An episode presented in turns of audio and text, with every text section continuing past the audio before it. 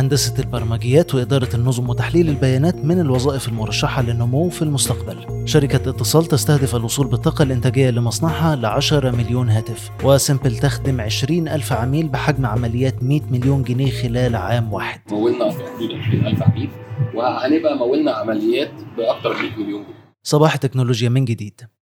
أحدث الأخبار المحلية والعالمية في أول نشرة تكنولوجية مسموعة في مصر. تكنولوج على كل منصات البودكاست.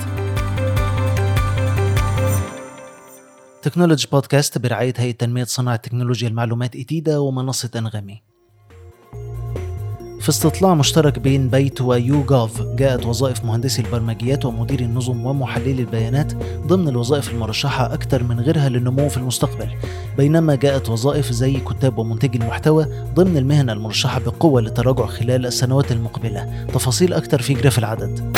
وقعت شركة اتصال ونوكيا HMD اتفاقية لتصنيع هواتف نوكيا في مصنعها. وشركة اتصال للصناعات المتطورة اي اي اي تقوم من خلال مصنعها بتطوير وتصنيع الإلكترونيات المتقدمة في مصر بطاقة إنتاجية تتخطى 2 مليون وحدة خلال العام الحالي وده لتصل إلى 10 مليون وحدة سنويا خلال الأعوام المقبلة.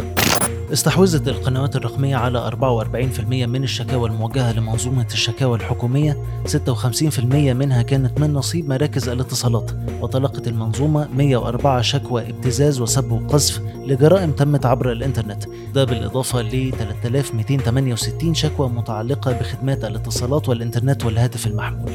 اتصالات مصر تحقق أرباح بقيمة 3 مليار جنيه خلال الربع الثاني من 2022 بلغت إجمالي إيرادات الشركة خلال الربع 6.8 من عشرة مليار وسجلت عدد مشتركين حوالي 29.1 من عشرة مليون مشترك بنهاية يونيو. في فصل الصيف وخلال الإجازات لا تنسى أن تفعل الرد التلقائي على البريد الإلكتروني. وأعددنا لكم تقرير كامل عن كيفية الاستفادة من الأدوات التكنولوجية على مدار اليوم في الأجازات لتستمتعوا بوقتكم.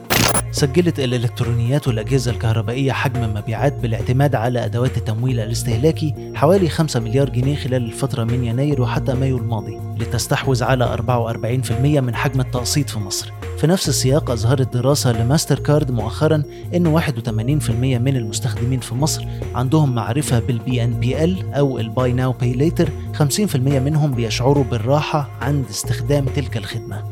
ومع ارتفاع الاعتماد على تطبيقات الشراء الآن والدفع اللاحق تستضيف نيرة عيد رئيس التحرير تكنولوج محمد الشبراوي الشريك المؤسس لشركة سيمبل للحديث عن تطور المشهد في تلك الصناعة.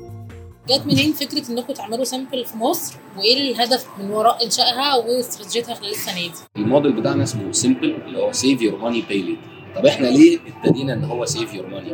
ودي الحتة اللي محدش فاهمها. انت بتوفر لي فلوس منين؟ إحنا كنا شايفين من الأربع أو خمس سنين اللي إحنا عشناهم في الفاليو دول إن السوق الفترة الجاية عالميا هيتغير. ليه عالميا هيتغير؟ عشان سعر البترول بيتغير ال fluctuation بيحصل في الدولار.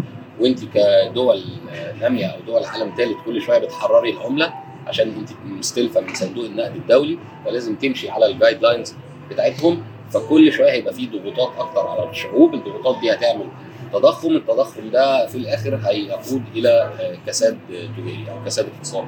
وبالتالي القوة الحاكمة في دورة الشراء هي الناس اللي معاها فلوس مش الناس اللي ما معاش فلوس فبالتالي هتوصلي لسوق إن 80% من المشتريات اللي بتحصل فيه بتحصل من 20% من الشعب اللي معاهم فلوس.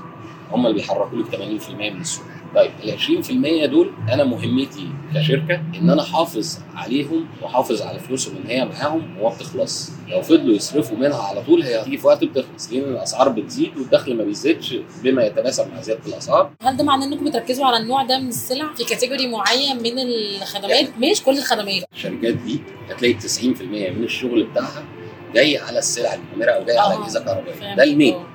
تمام؟ وبعد كده هو بيخدم زبونه عشان ما يقولوش لا والله لو انت دخلت عند قصر الكبابجي مش هتلاقيني. لا أنا موجود برضه لو عايز تدفعني في قصر الكبابجي أنا موجود. هو الغرض موجود في كل حتة. بالظبط. acceptance إن أنا أبقى مقبول في كل حتة دي أكتر حاجة أنا وقفت قدامها بصراحة. هو ده بقى اللي خلانا إن إحنا نخش في الموديل ده. الموديل ده أنا ما بعتبروش تقسيط. عشان تقسيط معناه إن أنا بديكي قيمة حاجة انت مش قادرة تشتريها. تمام؟ أنا ما بعملش كده. أنا لازم أتأكد إن انت عندك قدرة على شراء الحاجة اللي انت بتشتريها في وقتها. نمرة اتنين أنا باجي أقول لك أكلة لا دي مش محتاجة تقسطيها. بس ممكن أقول لك ادفعيها في خلال 30 يوم ده أول concept فيما يتعلق بالأكل والشرب والحاجات دي. ال concept الثاني بقى بنماتش ال payment plans بتاعتنا على المنتجات اللي العميل بيقسمها. فمثلا الملابس مثلا عندنا ثلاث دفعات. فخلينا خطط الدفع دي ممكن تبقى خطط أسبوعية كل أسبوع كل أسبوعين أو كل شهر. كل ما طول مدة التمويل كل ما تكلفة الفلوس بتاعها أوكي. فبالتالي إحنا بندي بدون فايدة فبالتالي سعر المنتج ما بيتغيرش. العميل هو هو. رحت تشتري الجزمة بأربعة هتدفع أربعة بنهاية المده تمام؟ هي هي. ولكن بناخد من الشريك بتاعنا اللي هو التاجر أو مقدم الخدمة بناخد منه نسبة خصم على المنتج دي. بتغطي لنا المدة وبناخد. مصاريف ثابتة على العملية الواحدة من العميل المصاريف دي بتغطي مصاريف التحصيل أصلا بتاعة الدفعات ده كده لكن ما بتاخدوش خطوط ائتمان من البنوك أو حاجة علشان. تمويل الحاجات دي لا لا لسه إحنا كل ده بنمول من راس مال الشركة. هو حوالي قد إيه؟ إحنا من ساعة ما ابتدينا جمعنا توتال راس مال بحوالي 6 مليون دولار وهم دول اللي إحنا موظفينهم. طيب لحد دلوقتي عندنا كام عميل شغال وكم partner؟ التعاقدات بتاعت ال partners عندنا 300 تعاقد وده متمثل تقريبا في حوالي 2000 نقطه بيع بالنسبة للعمليات اللي مولناها تقريبا خلاص داخلين على نهاية شهر 10 ده هنبقى مولنا في حدود 20000 عميل. وهنبقى مولنا عمليات باكثر من 100 مليون جنيه. فده كده في سنة عمل. اشتعال الأزمة بين الصين وتايوان قد يمثل تهديد جديد للصناعات التقنية خصوصا وأن تايوان بتستحوذ على النصيب الأكبر من صناعة أشباه الموصلات ومصنع شركة TSMC هو الأكبر في العالم لصناعة أشباه الموصلات اللي بتدخل في تصنيع أنواع كتيرة من المنتجات التكنولوجية بدءا من الهواتف حتى السيارات وتستحوذ الشركة على 53% من سوق تصنيع أشباه الموصلات العالمية. من ناحيتها تسعى إسبانيا لتحقيق خطة لتصنيع أشباه الموصلات وخصصت لتلك الخطة 12.3 من عشرة مليار دولار غير إن الحكومة لم تجد مصنعين مهتمين بتنفيذ خطتها في الوقت الحالي. وأكد المنتجون على اهتمامهم بخطة الرقائق الحكومية منذ الإعلان عنها قبل شهرين ولكنهم يحتاجون إلى وقت لاتخاذ قرارات استثمارية. كشف تقرير حديث عن إن جامعة هونج كونج للعلوم والتكنولوجيا بتبني حرم جامعي في عالم ميتافيرس لتوفر على طلابها عناء العوائق والمشقات الجغرافية وقد أطلقت الجامعة قاعة محاضرات في الواقع الافتراضي كجزء من خطتها الأوسع والأكبر لإنشاء حرم جامعي غامر بالكامل ضمن عالم الميتافيرس. توقع عدد من المحللين أن تجمع Meta Platforms الشركة الأم لفيسبوك 10 مليار دولار في أول طرح سندات ليها واللي بتهدف من خلاله إلى إعادة شراء الأسهم والاستثمارات الجديدة للشركة. Technology Podcast برعاية هيئة تنمية صناعة تكنولوجيا المعلومات إتيدا ومنصة أنغامي أخبار أكثر على Technology dot news